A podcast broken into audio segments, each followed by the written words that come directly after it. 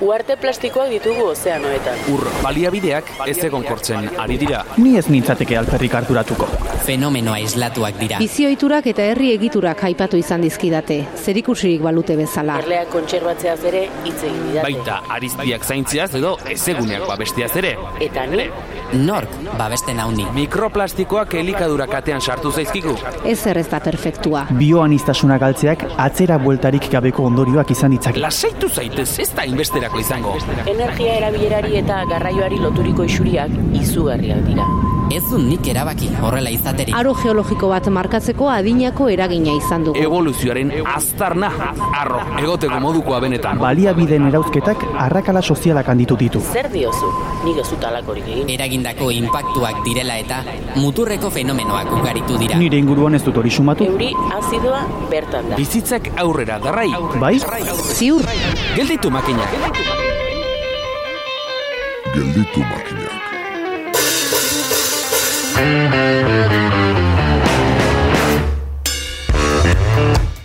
Helburu garbiak izanagatik, bideak izaten du sasitik. Adibidez, garbi duzu aurikularren bola kable hori askatu nahi duzula, baina ez dio berdin hemendik edo handik tira.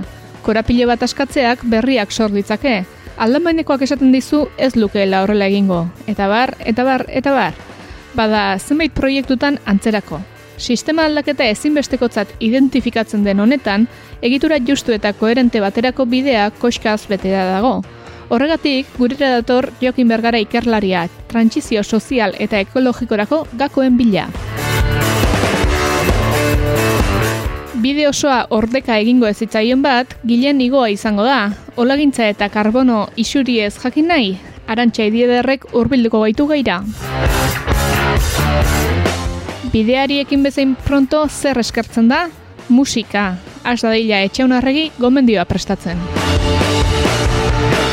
Eta guk, eki egun, gelditu makinaken hogeita zortzigarren etapari.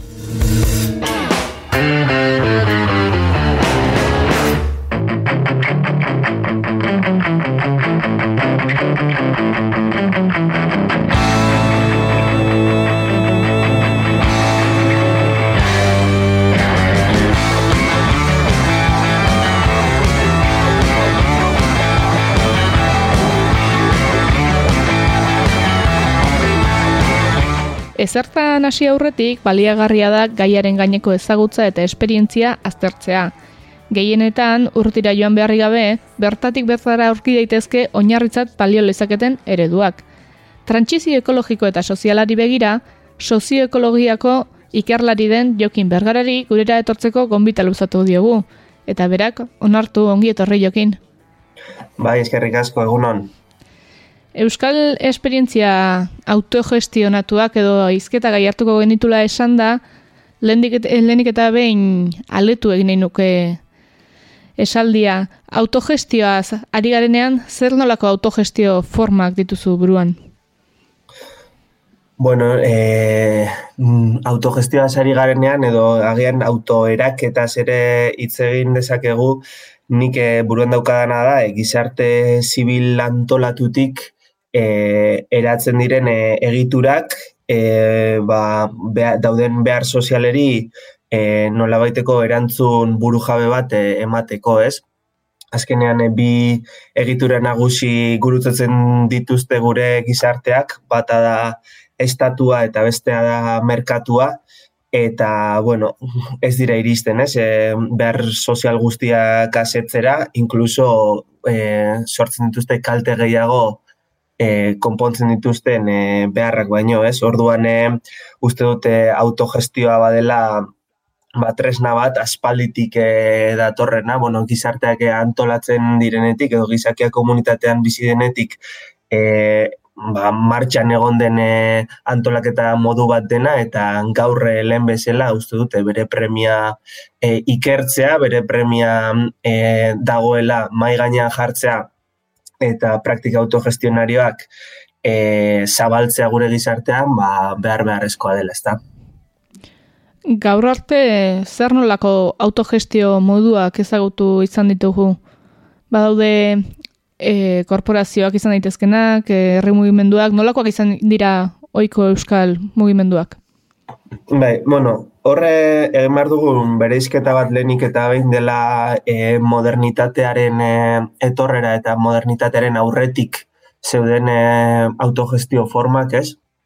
Bueno, hau, e, azki ezaguna da Euskal Herrian e, ba hori, bizitza komunitarioak e, izan duela bere garrantzia, e, batez ere baserriaren bueltan antolatua, ba, auzolanaren e, ideiarekin eta bere inguruan e, lotzen ziren beste praktika komunitario batzuekin, eta nik uste hori ulertu dezakegula autogestio forma bat bezala, eta gero e, modernitate industrialaren e, etorreraren ondotik, e, ba, bueno, e, sortzen dira, ez, autogestio, autogestio forma, forma berriak.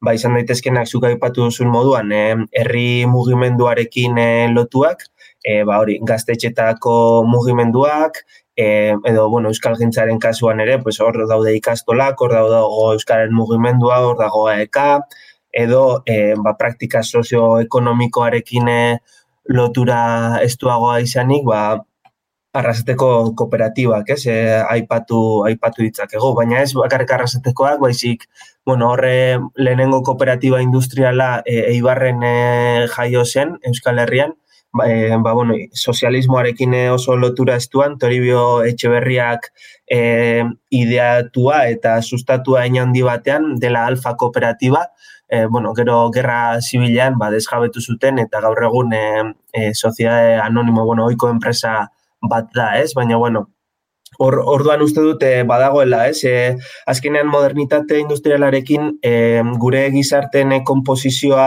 guzti zitsura aldatzen da, ez? Pasatzen gara ba, landako e, gizarte bat izatetik, ba, gizarte urbanoago bat izatera, eta hor sortzen da klase sozial berri bat dela proletalgoa, eta orduan e, galdera da, ez? Nola, nola eman erantzun bat e, sortu den masa gizarte berri honetan, e, autogestiotik, ez da? Eta, bueno, hortxe sortzen da, ba, kooperatibismoaren e, ideia.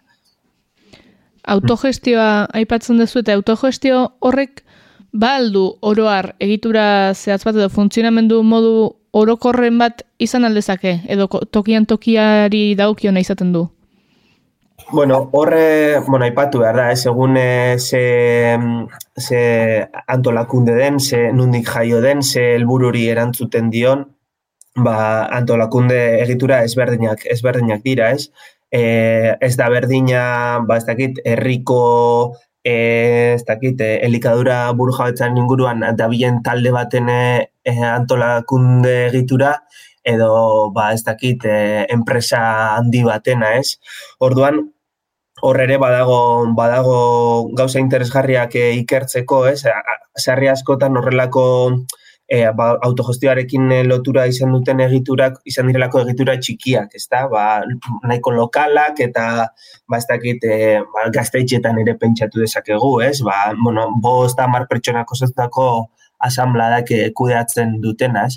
E, karo, kontua da, e, masa gizartean eta gizarte modernoetan e, behar direla ere e, egitura handiak, ezta? E, nola baite arrakastatxo izateko, nola baiteko boterea boterea lortu alizateko. Eta, karo, geroz eta egitura handiagoa izan, orduan eta zeltasun gehiago sortzen dira, orduan eta korapilo gehiago daude, eta orduan eta gobernantza forma komplejuagoak eh, sortu behar dira, ez? Eta nik uste horregati dela interesgarri begiratzea ez bakarrik, ba, ez dakit, herrietako autogestio forma e, txikiei, baizik eta e, esperientzia handiago dei, ez? Tamainan e, ba, baduten nakolako volumen bat, e, ez dakit, nazioartean ere e, zabaldu direnak nola bait, eta bueno, horrek sortzen ditu ere kontra esanak, eta ez, sortzen ditu e, bere, bere barne gatazkak, batez ere plano ideologikoan,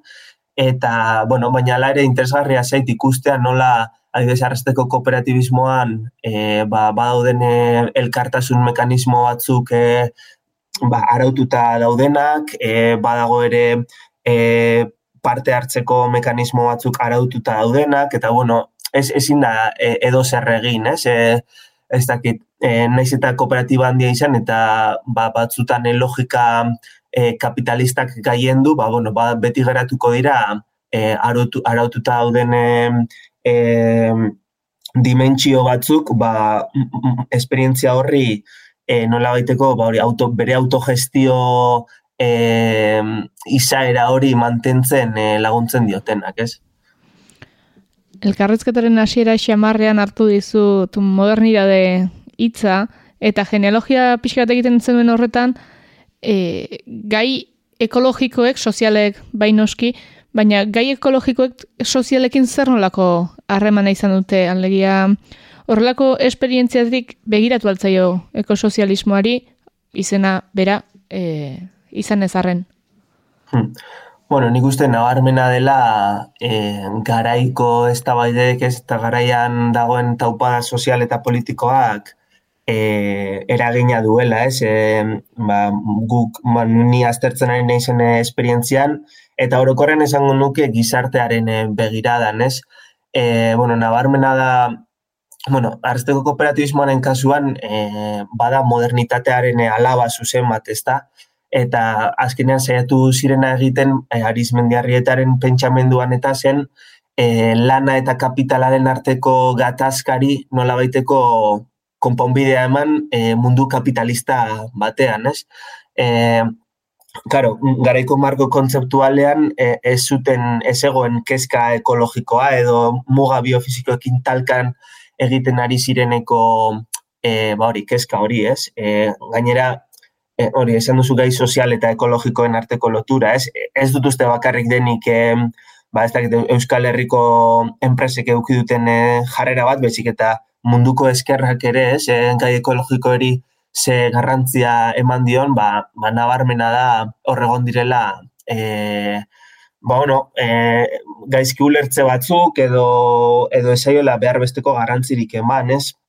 Horregoan irakurtzen nuen testu bat, e, irurogeta margarren amarkadan, ba hori, erromako klubeko txosten eta atera zenean, irurogeta amabian uste dut, okerrezuan nago, e, ba, bueno, garaiko sindikatuek eta oso mesfidati hartu zutela e, ba, informazio hori eta bueno, mugimendu ekologista berria ere bai, ez? Esaten zutelako, ba, bueno, ba, zela hori burgesiaren e, operazio bat ba, langile mugimendua ultzeko eta garaian agian langile mugimenduak zeukan e, indar sozial eta politikoa nola baite arrakalatzeko, ez? Eta orduan, ba, bueno, e, bidea gai sozial eta ekologikoen artean ez da izan beti e, ba ez dakite, alfombra gorria jarritako bide bat, ez?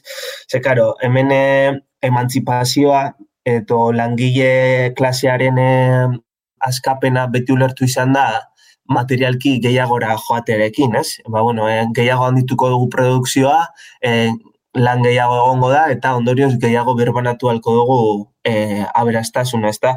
Ba, claro, gaur planteatzen den disjuntiba da, eta gai ekologikoak daukaten notizia txarra da, gutxiagora joan da, ez? E, egin behar dela banak, banaketa hori, eta bueno, horre, ba, tentsioak ekarriko dituela horrek e, nabarmena da, ez da? Aipatu duzun bezala, burgesiarekin lotu izan da ekologismoa sarri, era berean, hainbat produktu kalidade honekoak izateko, e, prezioa bera ere garestiagoa izan ohi da. Beraz esan daiteke gaur egun oraindik ere mm, maila sozialarekin lotuta egon daitekela ekologia. Mm, bai, e, bueno, hor badaude, badaude ikerketak, ez? E, esaten dutenak, bueno, e, kezka ekologikoa batez ere klase ertain altuetan dagoela errotuta, ez, eta nola baiteko badaude proposamenak, ez, e, herri ekologismotik eta egiten direnak, baina horrek ez daukate olako, ez dakite, zabaltzerik, ez, sektore popularretan edo esan dezakegu.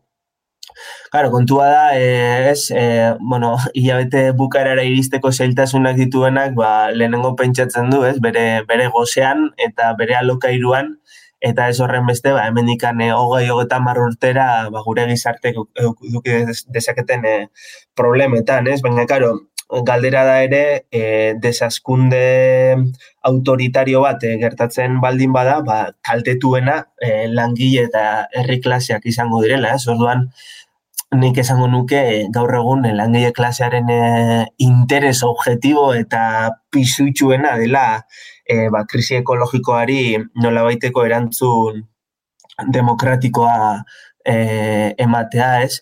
Gero ere, e, klase sozialen e, ikuspegia txertatzen badugu, e, ba, bueno, hausi ekologikora, e, karo, ez da soilik e, gure gizartetako klasen arteko irakurketa bat egin behar, baizik eta arazoa globala den neurrian ez, begiratu behar dugu ere maila globalean, eta ez da berdina Euskal Herriko e, langile klase mm, bateko kideak e, daukan impacto ekologikoa edo edo Eritreako ez, e, langile batek edo Txinako langile batek e, daukan, daukan impactua ez e, gainera badaude ikerketa gure kasuan e, azkenean e, kontsumo gizartetan bizi garenez, ba, langile klaseari ere esaten zaio, ez? Ba, kontsumo azkarra e, behar duela, ez? Euki behar duela sarbidea e, nola baiteko konsumo desenfrenatu horretara, eta adibidez, e, e, pasatzen baldin magara gure herrietan, ba, janari azkarreko e, ba, jatetxetatik, ba, ez dakit, e,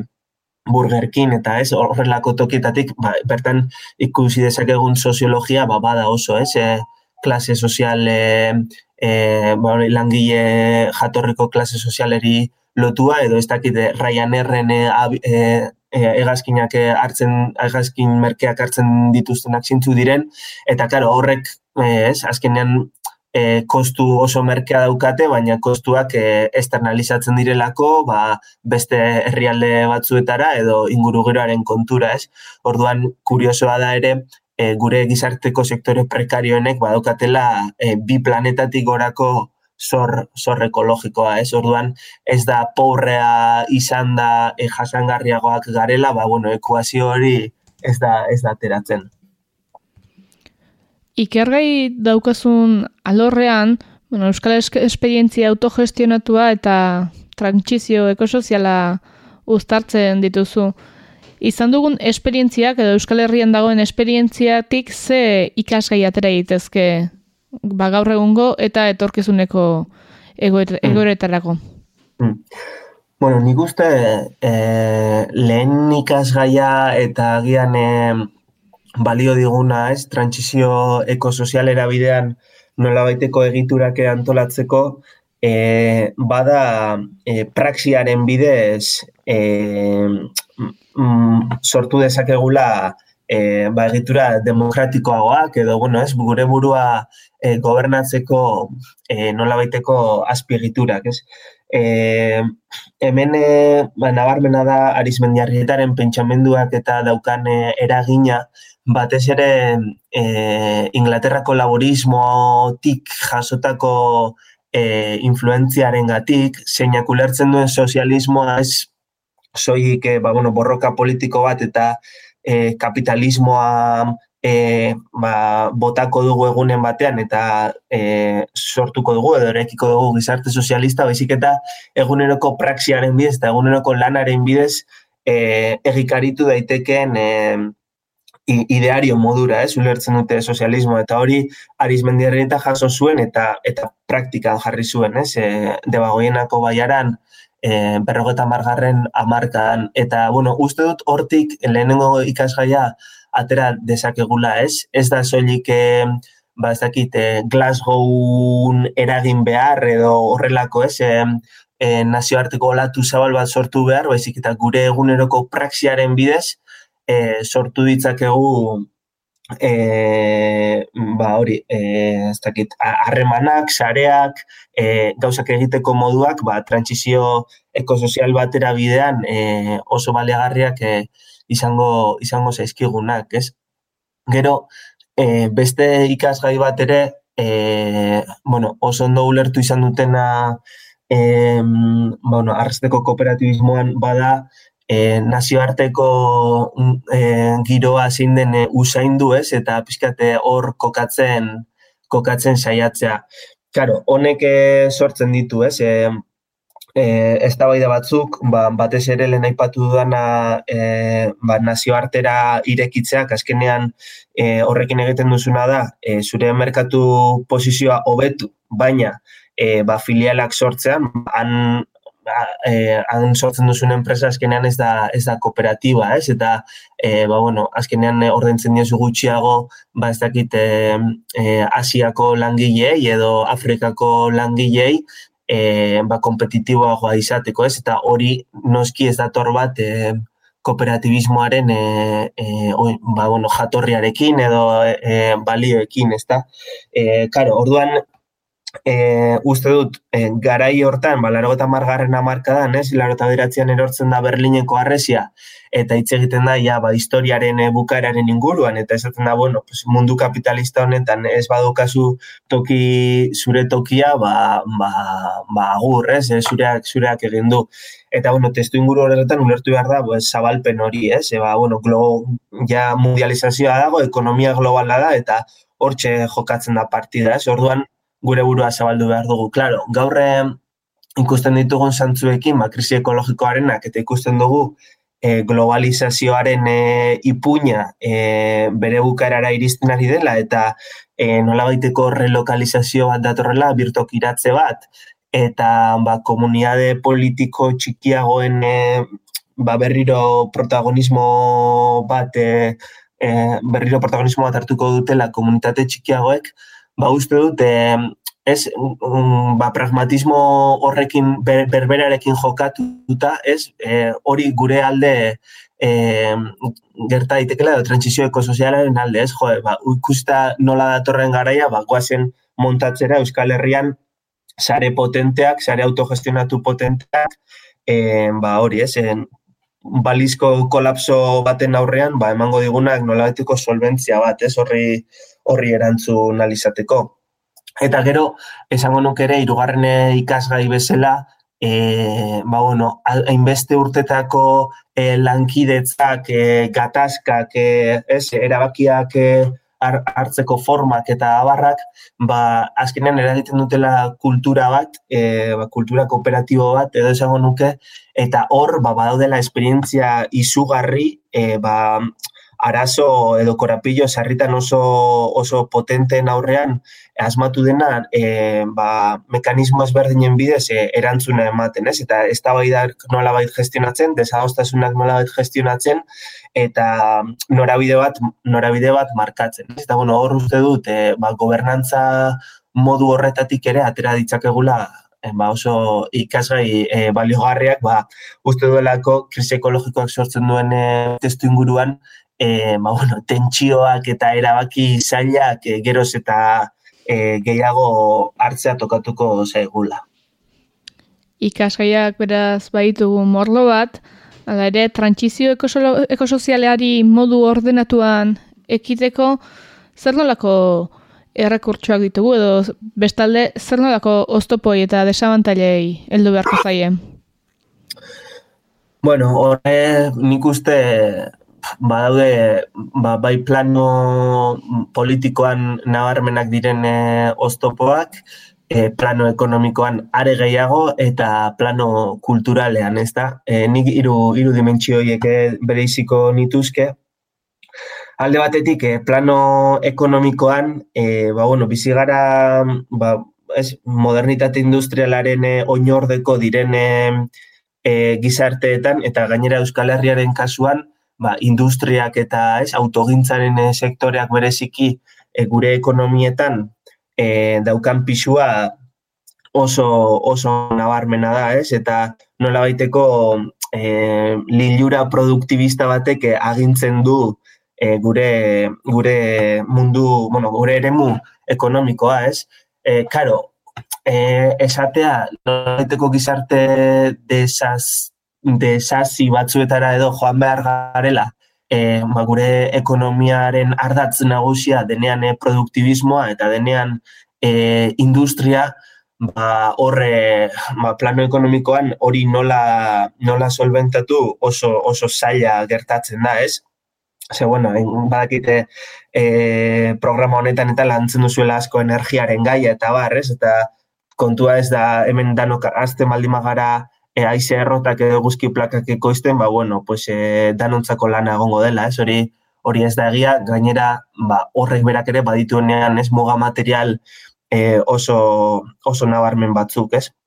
Eta gara, hor, orduan, e, iruditzen zait, e, ba, muga horiekin talka egiteak ez eskenean gure ekonomia industrian ezingo dugula ardaztu, e, azkenengo eun urteetan e, ardaztu dugun bezala, ba, hori nolabait e, edatuko da plano plano politikora, ez? Eta horre adibidez e, irutzen zait badagoela horrelako arrisku bat, e, ma bueno, populismo antiekologista batek edo e, bidea egiteko, ez? Eta, ba, bueno, jendeak esateko, baina nola e, industriarik e, gabeko e, herri baten bizi behar garela, baina ez, eta nundi jango dugu, ez? Eta, bueno, horrelako argudio nahiko simpleak e, uste dut edatu daitezkela oso errez e, Euskal Herrian, ez? Eta, bueno, gero dago, azkenean, bueno, transizioeko sozialei heltzeko oztopo nagusiena esango nuke dela dimentsio kulturalean dagoena, ez? Azkenean, e, bueno, gu ezigara eta azigara, e, bueno, kontsumo gizarteetan, ez? Eta, bueno, e, azkenean, ma, marxista jartzeko e, merkantziaren fetitxismoan, ez? Eta orduan, e, e, bueno, guk onartzen dugu, e, lana, lan abstraktu bat, ez, ba, gure eguneroko sortzi ordu e, lan batean ematea, baina trukean exigitzen dugu ba, kontsumora sarbide oparo bat, ez, hori da azkenean modernitateak, modernitatean egituratu den e, e, ba, ez, e, logika kultural nagusiaz.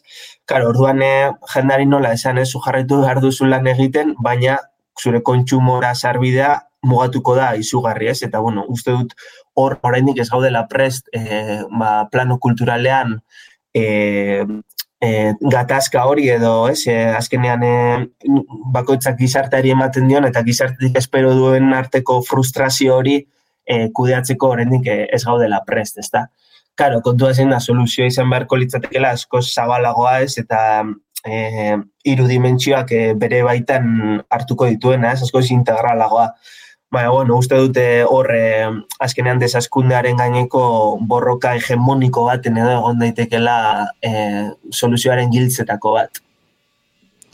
Galdera simple xamarra egingo dizut uste dut ez duela ainerantzun simplerik izango, baina posible alda egungo bizikalitateari eustea impactu gutxiago izan da? Bueno, galera hona da, galera hona da. Nik eh, hor igual galdera hortan falta da bizikalitatean definizioa zehaztea, ez? Zehazkotan, e, bai, ez, neot esan, e, patroi hegemonikuan edo, ez, nagusitzen dan e, mundu ikuskeran, bizikalitatea da, edo bizi maila da, e, sobre soldata, ez, edo zure errenta, ez, eta baute duzun, e, ba, ez dakit, etxe hon bat, kotxe hon bat, eta edo, ez dakit, e, e, oporretan e, hiru aste e, Kanariasetara joateko aukera, ez? Hori definitzen da askotan bizikalitatearekin.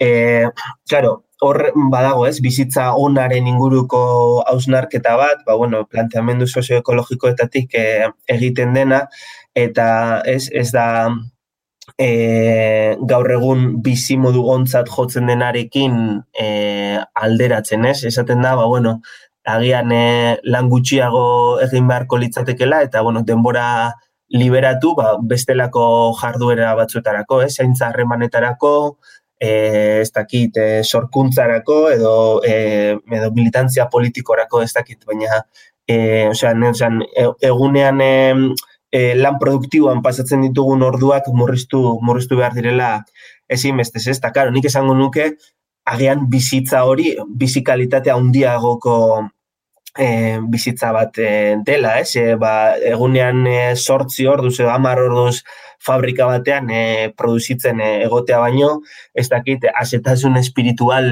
e, gehiago, gehiago eman, eman dezakela, ez? Eta, karo, bizi, bizi modu horrekin, ba, noski, impactu sozioambiental askoz ere txikiagoa e, gertatuko litzateke, ez? Hor badago, ez, Emilio Santiago Muñoz eta bueno, e, jende honek egiten duen eh, proposamena e, deitzen diote e, luxuzko pobrezia, ez?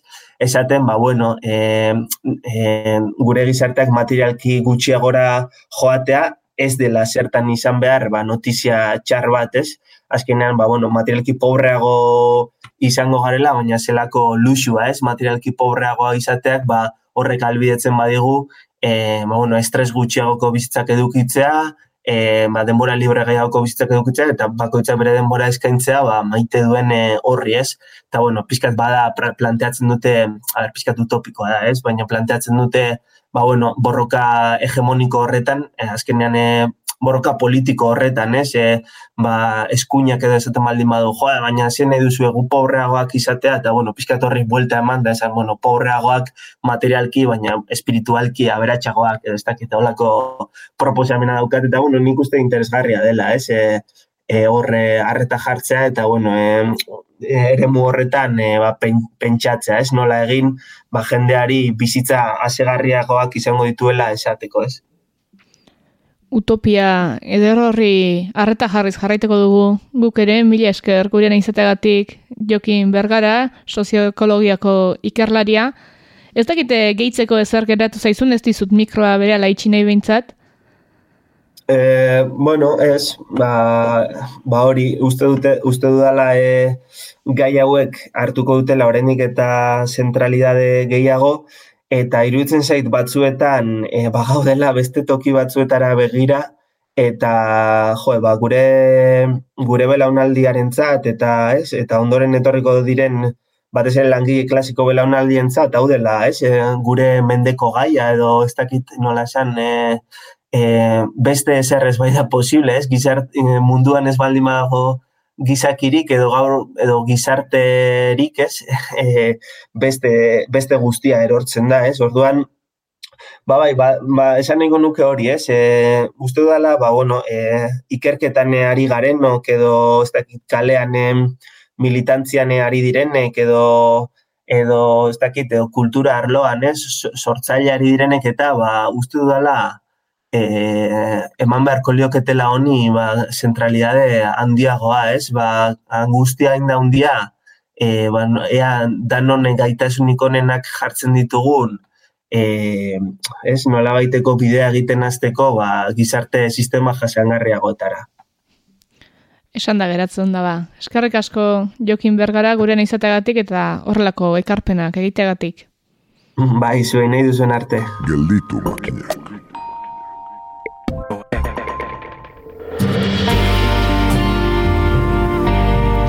Jarraian, arantxa idiederri emango diogu pasoa.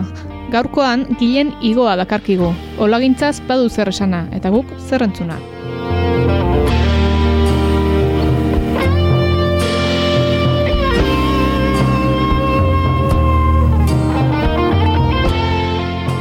Gilean izena dut, itxasua janiz, eta ZRPF izena duen egitura publiko batan lan iten dut.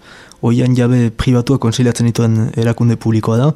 Leku hortan postu pixkat berezi bat dut, landaketa proiektu bati, bariz, bati buruz bakarrik uh, ari behin izelanean, karbonoa biltegiratzea helburu nagusitzat duen landaketa proiektu bat. Justuki, uh, oian gintzako teknikari gisa, eh? uh, ari zira, bai. proiektu hortan, uh, garaziko eskualdean uh, den ergara ibarrean, arbola landatze bat uh, kudeatzen duzu, geita bost uh, hektareako Nola gama, ez da oian bat izanen, edo oian bat izango da noiz bait, edo... Bai, ez dira bita bostektareak uh, zati batean makarrik, uh, amalau jaberen uh, etxetan zatitua dira, eta proiektu hori postak diruztatzen du, eta postarekin ginoen tratua da, uh, ama hektarea oian handeatu berriz lanatu behar genituela, eta ama bostektarea uh, laje edo oianek etzen lekutan behar genituela, behar genituela oiana lanatu. Handeatuak zirenak, uh, zendako? Sutekin, gure kasuan gutie, su pixkat izan da baina ez da hori kausa nagusia, eta bi ahazain importanteenak, tempestak eta eta eritasunak dira. Eritasunak, uh, oiko eritasunak edo? Bai, gaztain ondoarekin batez ere ditugu eritasunak. Zer dira eritasunak gaztain ondoarenak? Oino batzu eta intsektu batzu eta hola, inguru hauetan gaztain ondo hainitzunk ituzte. Horrez gain, uh, landatze berri bat, ere? Hori da, behaz bestalde, amabost hektaratan, e, oianik, azken amak urteetan oianik izan ezten ere moetan, behar dugu lanatu, oiana izan dena bai. Zendako? Ebe, helburua karbonoa biltegiratzea da, behaz oianak eh, landatu zuaitzek fotosintesirekin karbonoa bilduko dute handitzeko, haien zura egiteko eta azukrek ere bai. Eta gero, bestalde, hortik aterako den egurra e, erregai fosilen ordez erabilia izan da berotzeko, eta hortik aterako den zurarekin, eraikuntzan edo lan, hori erabiliz beste beste material batzu ordezkatuko ditu, ez altzairua edo plastikoak edo la. Karbono hainitz isuri behar da material horiek ekoizteko, eta beraz horako hiru arloetan eragina izateko karbonoaren gaine. Edo, eta beraz azken kasuntan, oian gintza industrialean sartuko litaike? Gure kasuan ez, uh, posible da uh, alako proiektu bat egitea, baina gure kasuan ez, uh, ez da hori helburua, ez da hori ditugun jaben helburua ere, inguru hauetan hoien da lanatu nahi duten jabeak uh, ez dira ahas espiritu horretan ari, eta beraz, ara, ez da, ez da bate gipuzkoan edo bizkaian ikusten den uh, sistema uh, izanen gurean, edo, edo helburua ez da hori bederen.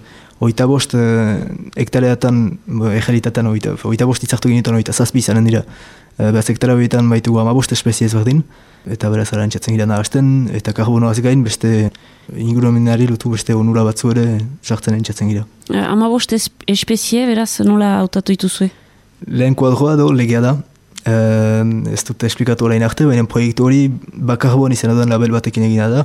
Hori Frantziako ingurumenaren ministeritzak sortu zuen dola guti, eta uh, horako proiektu entzako zertifikazio bat da, bez karbono tonak zertifikatzen ditu, eta uh, beste ingurumenari edo lotu onurak eta onura sozioekonomikoak ere bai.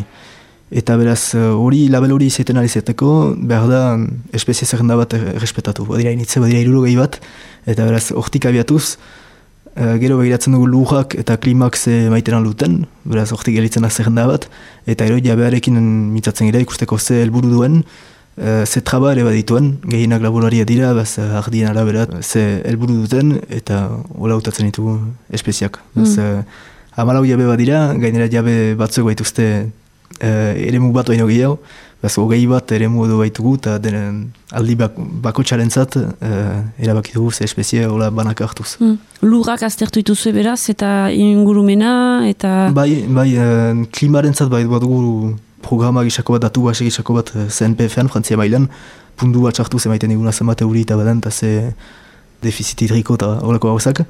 Eta uh, lujaren zat, zilo bat egin behar da, ez da, ez da beste manerarik zilo bat egin, eta ikusik ze behar notasun den, zenbat ahi, uh, abustina den, ea, Hala, nolako den. Eta beraz zein uh, espezie izango dira ez du ama bostak berdin aipatuko, baina uh, gehienak? Ez, baitugu bost espezie nagusi, um, ariz kandu gabea lanatuko gu gehienik.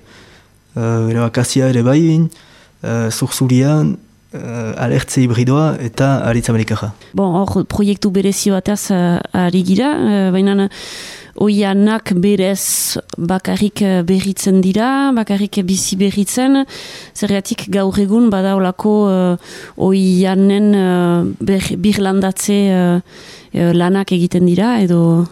Bai, untsa martxan den, uh, bateko sistema bat da, eta untsa martxan delarik, ez da lanaketarik egiterik. Lanaketa krisia gara bakarrik egiten da, eta oian kudaketa normal batean, uh, lanaketak uh, bizikia garoa dira.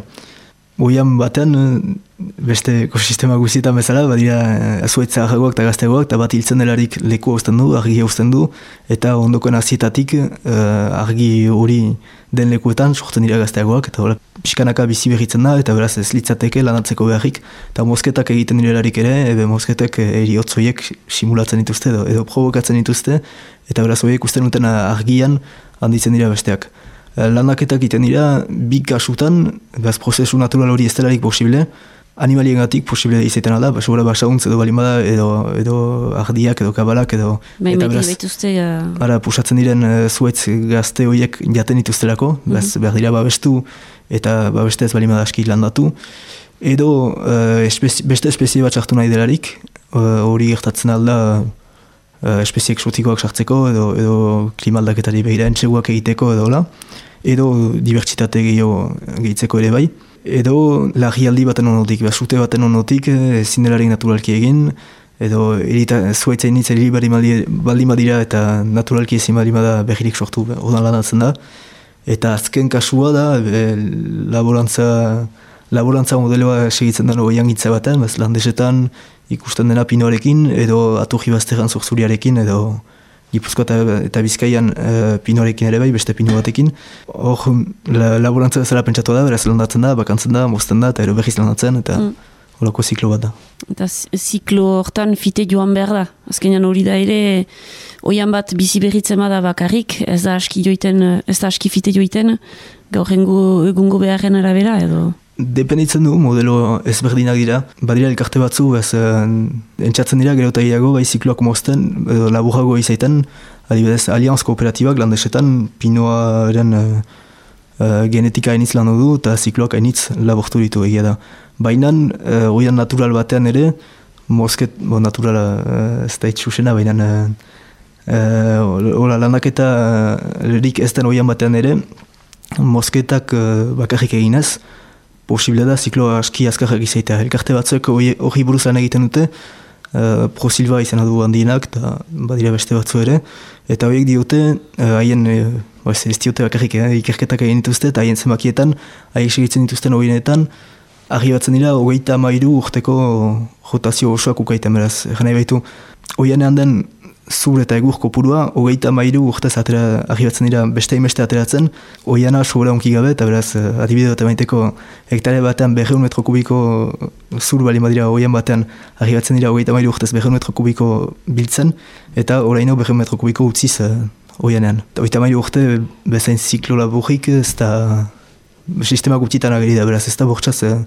eh, ez da sistema bat biziki intentsiboa eta bestea biziki ekstentsiboa, biak biziki produktiboak izatean dira, edo biak ez dira, biak produktibitate biziki txarrak izatean dituzte ere, Uh, baina ara, logika ez berdina dira bakarrik. Eta lehen aipatu duzu eta berri zorra joan goniz, bir landatze horietan batzutan entxigu gisa beste herrialde batzuetatik eksotikoak diren zuaitzak adibidez landatzen dira. Hortik galdera gaur egun ikusita egoera, beroketa klimatikoaren egoera hori, behar dira berriz landatu egokituz ba, aldaketa klimatiko hori edo aldaketa klimatika horren kontrako mugimendu bat sortzeko uianak behar dira landatu. Um, Beaz, aldaketa klimatikoa, beaz, zuke jandozu bezala, aldaketa klimatikoa eta oianaren artean bi, bi sentsutako ahreman bat da, alde batean, alde batetik oianak aldaketa klimatikoa jasaten du, eta beaz, hori begira bai, eh, batzuek kanpoko espeziak sartzen dituzte, guk ez dugu kanpokorik sartu, baina uh, lekukoekin entxatu gira uh, gune batzuetan, idorteak eta hobeki soportatzen dituzten uh, espeziak sartzen, uh, adibidez aritz, uh, adibidez biziki klasikoa da, baina aritz kandu gabea landatu gu, orain arte aritz kandu duna zen lekuen hitzetan. Eta nondik da? Hori uh, mintegietatik. Ados. Bai, ez, bortxatu gira labela izateko mintegietatik ikajaraztea mm. uh, kontrolatu dena. Uh, beste batzuek logika hori piskatugunago pusatzen dute eta espeziak eksotikoak sartzen dituzte. Uh, ez dakit susen zegin behar den eta ne ustez neok ez daki. Behin untan ikusiko biziki fitea bian dira gauzak. Uh, Aixe sobora fite hori denaren zaz, beraz ez dakit. Berro da, uh, berro da espeziak eksotiko lanatzen dituztenek arzoin dute, ez dakit. Eta bestalde, eh, janduzu bezala, horianak horrein arte bedaren karbonoa biltegiratzen du eta beraz aldaketa klimatikoren kontra kontra bat badu gutxi gora beda, Frantziako estatuko zamakiak emaiteko, uh, gure isurketen euneko amabia biltzen du berriz uh, oienak. Hain izak gutxi da? Ba, ez da gaizki, baina eh, ez da, erakusten du ez dela atera bidea iziten al, ez da hori bakarrik egiten al, baina uh, beharrezko da bai. Mm Gainera, uh, ustot gerozta gehiago oian, ba direla ez, konatu ituztela, edatzen direla oianak frantzian adibidez? Edatzen da, bai, ez da bortxaz gauza positiboa, eh? ez da batera gauza positiboa, egin nahi du laborantza lujak abandonatu direla, ez da besterik. Ez da positiboa hori zuretzat? Laborantza lujak abandonatzea, ez. baina oianak garatzea? Bai, bai, bai, baina egunean hiru aliziatea biziki maite dut, eta... Eta oianak behar dira, bai, baina uh, laborantza lurrak galtzea oianaren zat, ez da, ez da positiboa, ez mm. erakusten du krisialari bat dela laborantzaren sektorea, ez da bat positiboa. Mm. Eta aran, eta leku menditsua hainitz usten ari direla. Eta justuki, uh, karbono isuritzeak konpentsatzeko e, dirutza bat e, emaiten dute, orain enpresa handiek ustut legean sartua dela, pixka bat e, konpentsatzeko enpresa handiek duten e, ba, karbono isurite gehiegi botatzen dituztelakoan, konpentsatzeko e, arbole bat, bi, amar, eta ezakitzen bat hektarea landatuko dituzte. Greenwashing e, deitzen diote batzuek, e, zer diozu, diru hori baliatzea, eta hori erabiltzea landatzeko, eta hori oianak eh, sortzeko? Um, Zehazteko pixkat ez da legea afera bat, eh? legeak dio enpresa handiek haien uh, karbono bilana egin behar dutela, mm. beraz uh, ikusi zenbat, uh, zenbat isorketa dituzten, eta ero aliz zuaitz lanak eta horiek uh, ahunt voluntarioa dira, ez da momentuz beden, ez da olako legerik, uh, aipatzen da uh, egazkin kompainia eta olako zerbait ezartza, baina momentuz ez da olako legerik, uh, eta beraz hori egiten dutenak publizitatearen zate egiten dute, baina manera voluntarioan argunt telebistako publizitateko bat erosteko ordez, oian amat lanatzen dute. Mm. Kolore berdea gaitzeko enpresari. Oida, eta zer diotan hortaz, beni hortatik biziniz, behaz ez dut gora kritikoan izan baina uh, hipokrita litzateke uh, argunt kontra mitzatzea hortatik bizi bainiz, hortik bizi bainiz, eta um, ni proiektuara sortzailean aldetik niz, greenwashinga ez dut uh, nik egiten gukiten duguna da, uh, proiektu albezain justu bat uh, sortu, lanak proiektu bat plantan ezari, eta gainera zertifikazio bat pagatu, uh, justu egiten duguna, justu egiten dugula uh, segurtatzeko. Uh, gero guk gure lanetik uh, sortzen diren, edo zertifikatzen diren karbonotonekin enpresa batek bere komunikazioan zer nahi itea, ez du gauzan egiten al, ez da gure esku. Enpresa hainitzek diote karbono mailan neutro direla, ez du zientifikoki zentzu handirik. Enpresa bizikian ere bai, Googleak adibidez dio karbono mailan neutro dela, ez da posible. Kompentsatzen baitu? E, kompentsatzen du, baina badeia kompensazio kontzeptu ere bizikik zikagarria da. E, adibidez, ene proiektuak ene proiektu hartzeko adibide gisa. Uh, ene proiektuaren komunikazioan da gezazpiaren uh, isurketak konpentsatuko dituela. Bon, gezazpiaren isurketak 2008an egin ziren, eta uh, beraz horrek uh, landaketak lehen hogeita mar urteetan konpentsatu behar dituzkete horiek, behar zer nahi du, hemen hogeita mar urtera karbonotona batzu bilduko dituztela zuaitzek, eta erraiten dela konpentsatzen dituela 2008koak. Baz, 2000 eta emeletzi eta 2000 eta berrogeita ameka artean oita bi urte pasa dira, oita bi urte ez karbonotonoina biak atmosferan egon dira eta planeta berotu dute, eta dena untsa pasatzen bali bada, ez bali bada suterik, ez bali bada problemarik, eta dena untsa pasatzen bali bada, e, pentsatu dugun bezala, eta ikusiz nola bieto giren e, nekez, baina ala ere, e, oita bi urtez planeta berotzen berotu izeko dute, Beaz, e, ez da zinezko kompensazio bat, eragina ez da zero planeta berotuko baitu. Uh, baz, kompensazioa, kompensazioa mintzatzea ez da, ez, kompensazioa mintzatzea ez da susena, hori behar laik esaldu gehiago ekarpen gisa, klimari egiten den ekarpen bat, uh, hori amal landatuz, ekarpen tipi bat iten da klima lagialdearen kontrako buhokan, baina ez da, ez da deus kompentsatzen. Uh, gukala egiten dugu, gero enpresek edo administrazioak edo, edo pagatzen dutenek, beste manera batean komunikatzen baute, be, gaizki da, baina ez da gure esku. Mm Ebe, mil esker gurekin egonik? Zuri. Eli pagolarekin geldituko dituzu makinak naiz irratian. Aurre, zabixe duta zendeten gaur musika gomendia izango benuela. Zerrekarriko digun etxe honarregik? Hori, berak baino ez daki. Hau petxaun. Kaixo, ze moduz? Ongi, zuzer moduz abiltza. Ba, mentxe, beste gomendio bat egiteko prest nahi baduzuen, noski. Naiko ez dugu ba, hasi? bueno, badakizuen ni oso nostalgikoa naizela eta bueno, gaurkoan e, dut taldeari buruz hitz egingo dut.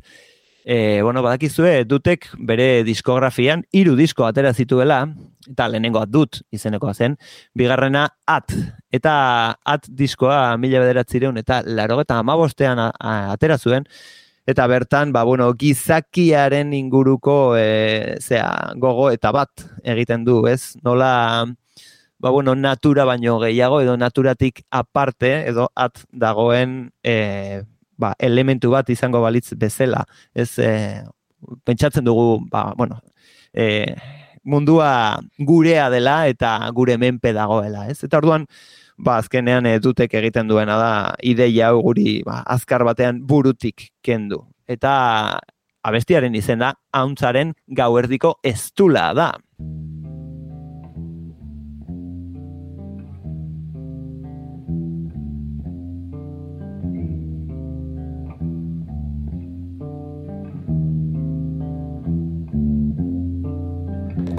Zakia zer da tximino erotua Egoen haute txia Lantzaren gau erdiko estula Bere txikitasuna Onartzen ez duen nume zurtza robutza Bere animaltasuna Ukatzen duen galipotak umea triak absolutu una naturaleza que bakar esmenta pura naturaleza parte está en este barunle besala sabor sartan when the animal irracionala baja ida su go menace en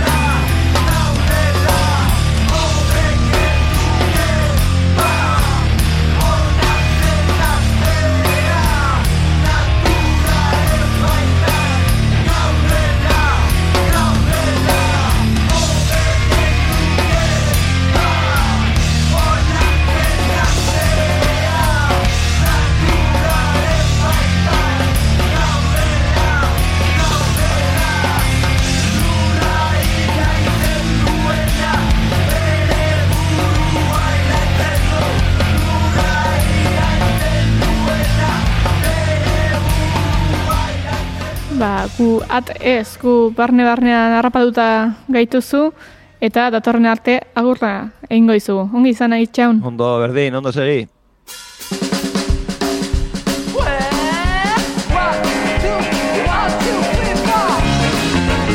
Ara entzule, ohartzerako heldu zaigu hogeita zortzigarren saioa agurtzeko ordua. Ongi izan eta datorrenera arte.